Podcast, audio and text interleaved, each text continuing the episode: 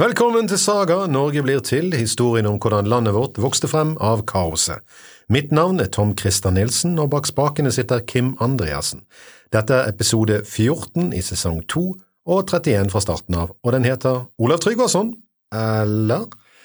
Denne podkasten kommer til deg gratis, blant annet fordi Radio Aske og Kim Andreassen er her og stiller studio og tekniker til disposisjon, og i dette radiotempelet, her bør du lytte til din lokale nærradio, det handler om deg og der du bor.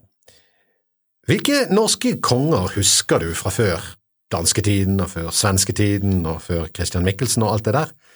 Der er noen store, og hvis du spør, så vil de fleste huske Harald Hårfagre og Olav den hellige, han som, som ble drept av Tore Hund på Stiklestad. De to husker alle. Han som samlet, og han som kristnet. Mellom der er det en og annen du kanskje husker, men om du husker noen, er det mest sannsynlig at det er Olav Tryggvason du husker. Det er litt rart, siden han regjerte i bare fem år. En historiker beskrev det på denne måten. Kort og strålende som en meteor er hans livs bane, som en vill fugl fra sydlige land med større vingespenn og mer lysende fjær enn noen i hjemmeflokken kommer han inn i vår saga. Jøsses, her kommer han kanskje inn. Når jeg sier kanskje, så er det fordi at det er ikke alltid like lett å vite om disse kongene faktisk er de de påstår at de er. De skal helst være etterkommere etter Harald Hårfagre, men det er ikke noen DNA-tester her, så vi vet ikke. Uh, jammen er det vanskelig, for eksempel, ifølge historikerne, å finne noe om Olav Tryggvason som virker som å ha den fjerneste sammenheng med fakta. Er alt bare hans lysende fjær? Skal vi forstå sagaen om Olav den første Tryggvason, må vi også forstå bakgrunnen for den. Den er litt skjult, men det første er at svært mye av det som er skrevet om Olav, er skrevet av islendinger. Islendingen Odd Munch skrev først, og han hadde helt klart en misjon, no pun intended, en ekstatisk kristen beskrivelse. Islendingene så på Olav som sentral i kristningen av Island som førte til at Alltinget i år 1000 vedtok å innføre kristendommen. Dette preger beskrivelsene sterkt. Den preges også av et behov for å finne Olav den helliges Johannes, altså forløperen til Olav den hellige, som på samme måte som Johannes døperen varsler hans komme, varsler frelserens komme. Leser du sagaen om Olav Tryggvason, vil du finne et vell av motiver fra Bibelen. Det er helt påfallende og neppe tilfeldig. Når vi nå skal fortelle historien, kan du se tydelige spor, og om du hører nøye etter, så vil du kunne krysse av og i hvert fall finne igjen følgende. Flukten fra Herodes, historien om Josef som ble solgt som slave, kongemakten som ble vunnet ved et mord og morderen som ble henrettet, foruten alle underne. Du får følge nøye med og se om du finner de igjen og hvis du har lest din bibel, så kommer du nok til å kjenne igjen denne historien. Men det rare er at til tross for at det finnes en mengde av sagaer, kvad og tekster, er det ingen som tror helt på de lenger. Hm. Jeg har rett og slett en liten følelse av at historikerne ikke har lyst til å tro på de. Det er mye myter rundt denne Olav, og det tyder på at han fremsto større for samtiden og ettertiden enn det han kanskje var. Men en kilde er bedre enn ingen kilde, så la oss fortelle historien slik vel i hvert fall noen av kildene gjorde. Men først må vi altså bli kvitt Håkon Jarl, han står i veien for Olav Tryggvason. Håkon Jarl er altså, som du husker fra siste episode, oppe i skauen med trælen Kark, og denne trælen drømmer mørke drømmer. De befinner seg etter hvert hos jarlens mer samtykkende elskerinne. Som vi husker fra sist, så hadde jarlen litt problemer med å, å liksom begrense seg når det gjaldt andre menns koner, og det er derfor han er i skauen nå, med halve Trøndelag etter seg. Denne Tora, som er hans eh, egentlige elskerinne, hun vil hjelpe de, men ettersom bøndene er på jakt etter de, så er jo dette selvfølgelig det første stedet de vil leite. De vet jo at dette er den permanente elskerinnen til Håkon Jarl. Tora vet råd, hun er en smarting. Så hun får de til å grave et stort hull i grisebingen, og ned i hullet kryper Håkon Jarl og trellen Kark. Kark er sannsynligvis med fordi Håkon ser på han som synsk, og det gjør Kark også, så dette blir spennende. Og det kan komme godt med med en synsk trell på flukt. Kark drømmer og drømmer og drømmer.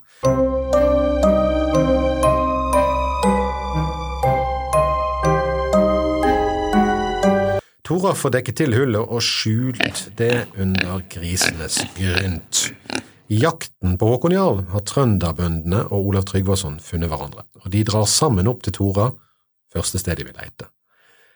De to som ligger der nede i grisebingen, kan høre Olav Tryggvason og bøndene spekulere i hvor i alle dager de har tatt veien, og de leiter og de leiter og de leiter gjennom hele gården, men de finner ingenting. De ser grisene, men ingen har lyst til å lete der inne. Da holder Olav såkalt husting og går opp på en stein. Jeg vil lønne med gods og ære den som vil finne Håkon eller bli ham til skade. Håkon og Kark hører dette, og Kark blir litt rød i toppen. Vil du svike meg nå? spør jarlen. Nei, de to er født sammen i samme natt, svarer Kark, de er født på samme natt. Olav og bøndene drar derifra, ingen gidder som sagt å grave i bingen, det er grisenes jobb, men så begynner Kark å få mareritt.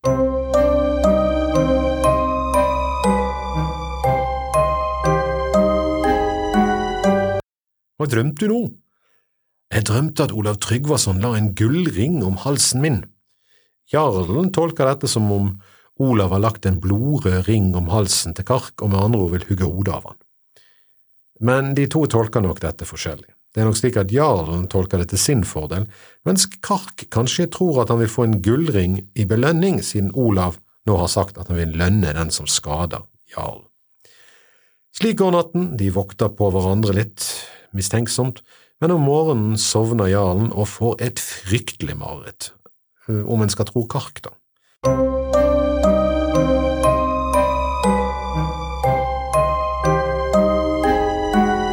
Kark blir så skremt eh, at han stikker kniven i jarlens hals. Altså, det er jo en helt naturlig reaksjon når noen har et mareritt.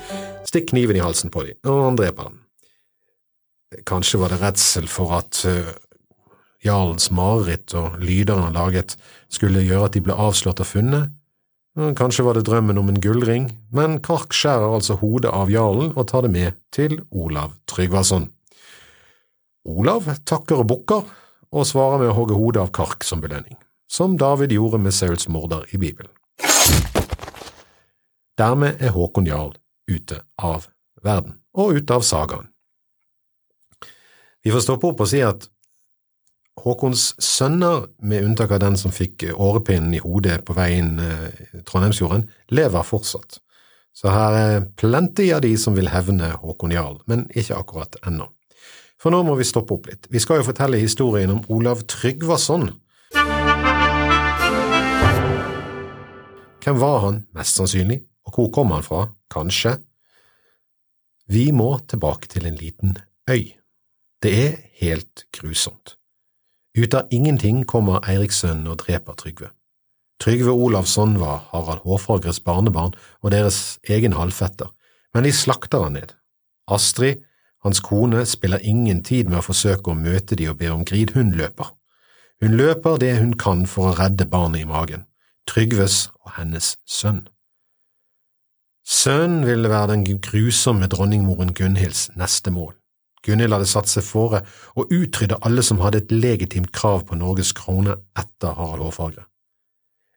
slekten skulle slankes fra et tre med mange greiner til en enkel, tynn stamme bestående av Eiriks sønner. Derfor måtte Trygve dø, og Trygve og Astrids sønn, som ennå ikke er født, må også dø. Astrid, med følge av noen av sine mest betrodde, finner en liten båt. De har ingen tid å miste og vasser uti. Torolf Luseskjegg, hennes fosterfar, løfter henne om bord i båten og kjører sjøl etter. De ror ut på vannet. Hvor skal de hen i natt? Jo, Torolf kjenner til en ubebodd øy ute i innsjøen. Det er ikke det tryggeste, men ingen kommer ut der vanligvis. De har heller ikke så mye valg, sukker Torolf og skyver håret vekk fra en svart panne. Denne ungen vil ut, og det nytter ikke å forsøke å dra langt med Astrid nå. Astrid føler allerede den velkjente smerten komme i bølger. Barnet vil komme i natt. Noen timer seinere får hun en liten gutt. Torolf øser vann over han og kaller han Olav etter sin bestefar. Han skjønner at de ikke kan bli værende her. Unge vil skrike som unger gjør, og det vil høres utover vannet, spesielt på stille kvelder, så de må komme seg vekk. Astrid, vi må vekk, klarer du å gå? spør Torolf. Nei, jeg klarer det ikke, jeg er nettopp født. Du må, vi blir, blir vi her, er det slutten både for deg og sønnen din. Hun kan ikke gå, din tulling, sier tjenestejenten hennes. Torolf får ikke sove den natten, han holder rastløst utkikk. Kommer Gunhilds menn? De kommer, men ikke til øyen. De saumfarer gårdene i området og prøver å finne Astrid og sønnen, men de finner ingen. Hvor kan de være hen? Torolf kan se fakler og høre lyder, stemmer og protester når hester rir opp til gårder rundt vannet og folk blir beordret ut på tunet mens bygningene gjennomsøkes. Han frykter det er for seint at de er nådd igjen. Men Gunhilds menn drar videre på leiting og drar ikke ut i sjøen. Utålmodig presser Torolf Astrid til å dra, og etter to netter på Holmen går de om bord i den lille båten, igjen. Torolf har sin egen grunn til å være urolig, hans egen sønn flykter med de. Det er også hans liv og fremtid som står på spill. Torolf grøsser ved hvert overtak. Han syns lyden er altfor høy og bærer altfor langt, hva om noen hører det? Men båten glir egentlig stille over sjøen i mørket. Forsiktig går de av på stranden og haster videre så fort det går, med to små barn på sleden. Hvor drar vi nå? Spør Astrid. Jeg tror vi bør dra østover så fort som mulig, sier Torolf, lengst mulig unna disse morderiske blodøksønnene og den trollkvinnen. Nei, sier Astrid, jeg vil dra opp til far på Obrestad, han vil ta oss inn, han kan beskytte oss. Astrid, sier Torolf, nei, det er det første stedet de vil lete. Min far har mange folk og er sterk, han vil beskytte oss. Hør her, Astrid, dette er ikke som når du kom på kant med venninnene dine som barn. Din far er sterk, men Gunhildsønnene er sterkere. Men Astrid vil ikke høre, hun vil hjem til far.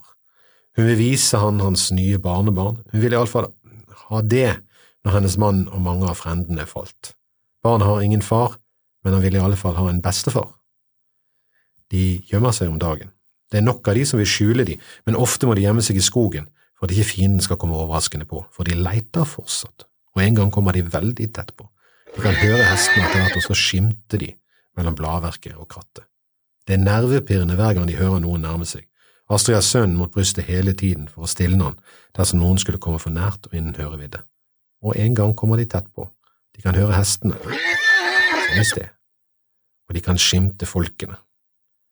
Torolf gir tegn til å være stille. De trykker ned mot bakken og holder pusten men det er ikke lett for en baby. Det kommer et lite hulk fra den lille gutten, Astrid drar han raskt til brystet, men han vil ikke spise og protesterer.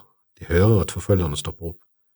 Kanskje det er hestens vrinsking, eller så er det bare forfølgernes egen bråk og skogens lyder, men like raskt som de stanser, fortsetter de igjen. Hvor i hels navn er de? Hvor vanskelig skal det være å finne en høygravid jente, hører de en ukjent stemme si. Håkon, de har mange venner i disse strøkene, jeg tror ikke det blir lett å få disse folkene til å røpe de. Der får de et navn på forfølgeren, Håkon. Han er en av Gunhilds mest betrodde menn.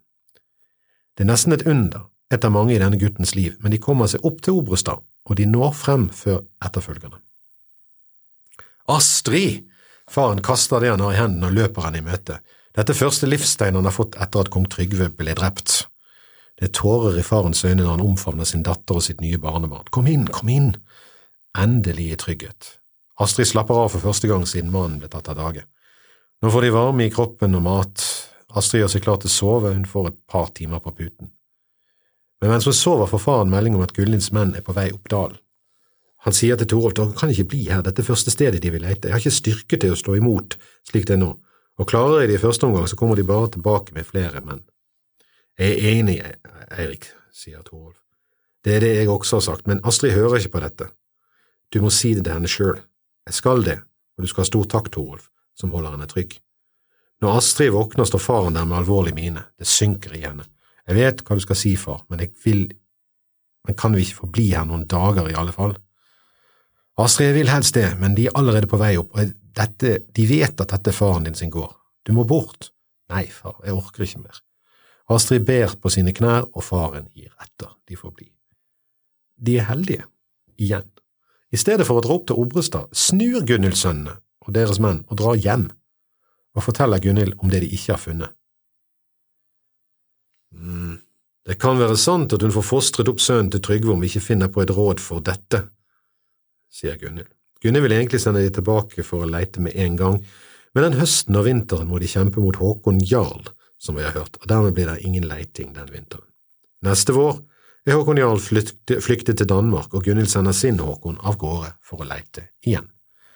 Og han har hørt rykter om at Astrid er hos faren. Nå drar han rett til Obrestad. Igjen får Eirik høre om at noen er på vei. Det er utpå ettermiddagen når han får vite at de nærmer seg. Astrid, nå er det alvor, du må dra. Nei, far, jeg vil ikke dra, vi har det bra her. Jo, du må. Denne sønnen din må leve, og det må du også. Jeg vet at du er sterk nok. Jeg vet ikke om du holder Åsatro eller Kvitekrist, men be nå til den du tror på, om det er Frøya eller Maria, og kom deg av gårde. Dra helt til Svitjod, der er vi kjente, og der har ikke Gunhild mye makt. Denne gangen gir Eirik seg ikke, og Astrid, Olav og Torolf og sønnen Torgils drar av gårde denne kvelden. Han sender henne av gårde med en klar advarsel. Gunhild vil ta livet av din sønn. Jeg sender deg øst til Svitjod, til min gode venn Håkon Gamle. Vi var viking sammen som unge, han er min beste venn, han vil ta godt vare på deg. Dere må ta på dere fattigslige klær sånn at ingen kjenner dere igjen. Han kysser Astrid og Olav sitt barnebarn. Det er uro i Eriks hjerte når han ser de dra, han frykter for de begge. Astrid kaster lange blikk etter barndomshjemmet når de haster videre østover, innover i skogene. Det er ikke mer enn akkurat i tide. For noen timer senere, når det gryr av dag, kommer bistre menn til gården. Og den samme Håkon. Han stanser hesten foran døren til Eirik på Obrestad. Vi ser etter din datter Astrid. Dronning Gunhild har så lyst til å møte henne. Har du sett henne? Nei. Vi får nå se. Håkon og hans menn gjennomsøker hele gården, men finner selvsagt ingenting. Dagen går med leiting, de truer, de piner noen av gårdsfolkene, men ingen vil si noe. Litt utpå dagen får de likevel på en eller annen måte nyss i hvor Astrid har dratt. Var det noen som ikke orket mer, eller var det noen som hadde et horn i siden til gårdsfolket? Vi vet ikke, men nå kaster de seg på hestene og følger etter østover mot Svitsjod. Om natten, den natten, har Astrid og følget kommet fram til skauen til en stor gård der. De går inn og ber om ly for natten. Den rike, men uvennlige bonden, Bjørn Eiterkveisa, jager de vekk, han vil ikke ha fattiglusa på døren. Og sånn gjør han seg fortjent til skam i sagaene i tusen år etter. De fortsetter videre og kommer til et lite torp, et lite småbruk kalt Vium. Torstein, bonden der, tar godt imot de, og de får overnatte. Men Håkon og hans bande er nå på sporet. Noen timer senere kommer de fram til samme Bjørn Eiterkveisas gård. Håkon blir tatt vel imot, Bjørn skjønner at dette er storfolk. Når de spiser kvelds, spør Håkon om Bjørn har sett noe farende folk, en kvinne med et årsgammelt barn. Nja, det var noen fattiglemmer her, jeg jaget de jo bort, men, men, når du sier det, så var det en svært vakker kvinne i følge og et svært pent guttebarn, og en eldre mann og en liten gutt, det kan godt hende de har fått seg herberge her i bygden. En skulle tro Håkon ville springe opp, men han gjør ikke det, både han, hesten og menn er utslitte. De har ridd hardt for å forsøke å ta igjen Astrid og Olav, og det, det å famle rundt i mørket på et ukjent sted er ikke en risiko de vil ta. Trollkvinnen er ikke så godt betaler ikke Gunhild kongemor. Men en av arbeidskarene til Torstein fra gården der Astrid har søkt ly, kommer forbi Bjørns gård, der Håkon og mennene har lagt seg til. Han stopper og prater litt med tjenestefolket og får vite hva som er på ferde. Når han kommer hjem til Torstein, forteller han det like godt til han, og Torstein er en klok mann. Han skjønner at her haster det, men han forhaster seg ikke. Han lar sine gjester sove til en tredjedel av natten igjen, men da tør han ikke vente lenger og vekker de opp med fynn og klem. Opp med dere! Jeg beklager, men jeg må jage dere ut av herberget, for Gunhilds menn er på nabogården. Dere må komme dere vekk, ellers blir dere tatt. Nå skal dere høre her, dere skal gå den veien, da kommer dere til et vann. I vannet er en sivkledd holme. Dere kan vasse ut, der skal dere gjemme dere, og så skal dere overlate resten til meg. Astrid, Torolf og de to guttene tar avskjed og gjør som Torolf, Torstein sier. Men vannet er dypt, for dypt for Astrid til å bære sønnen, så Torolf må bære begge guttene over til holmen på ryggen. Han tar de på ryggen, men det er tungt å gå i siv og gjørme, så etter hvert glir guttene sakte nedover ryggen hans. Beina til Olav kommer ned i vannet. Astrid ser det og gir beskjed til Torolf om å heise de opp høyere. Torolf han merker seg at Olav ikke har sagt et eneste knyst, selv om beina kom ned i vannet og det var kaldt. De kommer seg velberget over og gjemmer seg i sivet på den lille holmen. Samtidig er Håkon kommet fram til Vium. Han har mistet tålmodigheten for mange, mange, mange, mange trær siden, for mange timer siden og for mange små busker på veien siden, og retter sverdet mot Torstein og spør hvor er de henne? Hva skal Torstein gjøre nå? Dette er ikke hans frender. Han skylder ikke Astrid og Olav noe. Hva Torstein gjør, det må vi vente til neste gang for å høre. Det var det for denne gang og denne episoden i Saga Norge blir til, historien om hvordan landet vårt vokste frem av kaoset. Dette var episode 31. Olav Tryggvason, eller? Mitt navn er Tom Christer Nilsen, og bak spakene sitter Kim Andreassen. Du kan sende spørsmål eller kommentarer til tom.christer.gmail.com.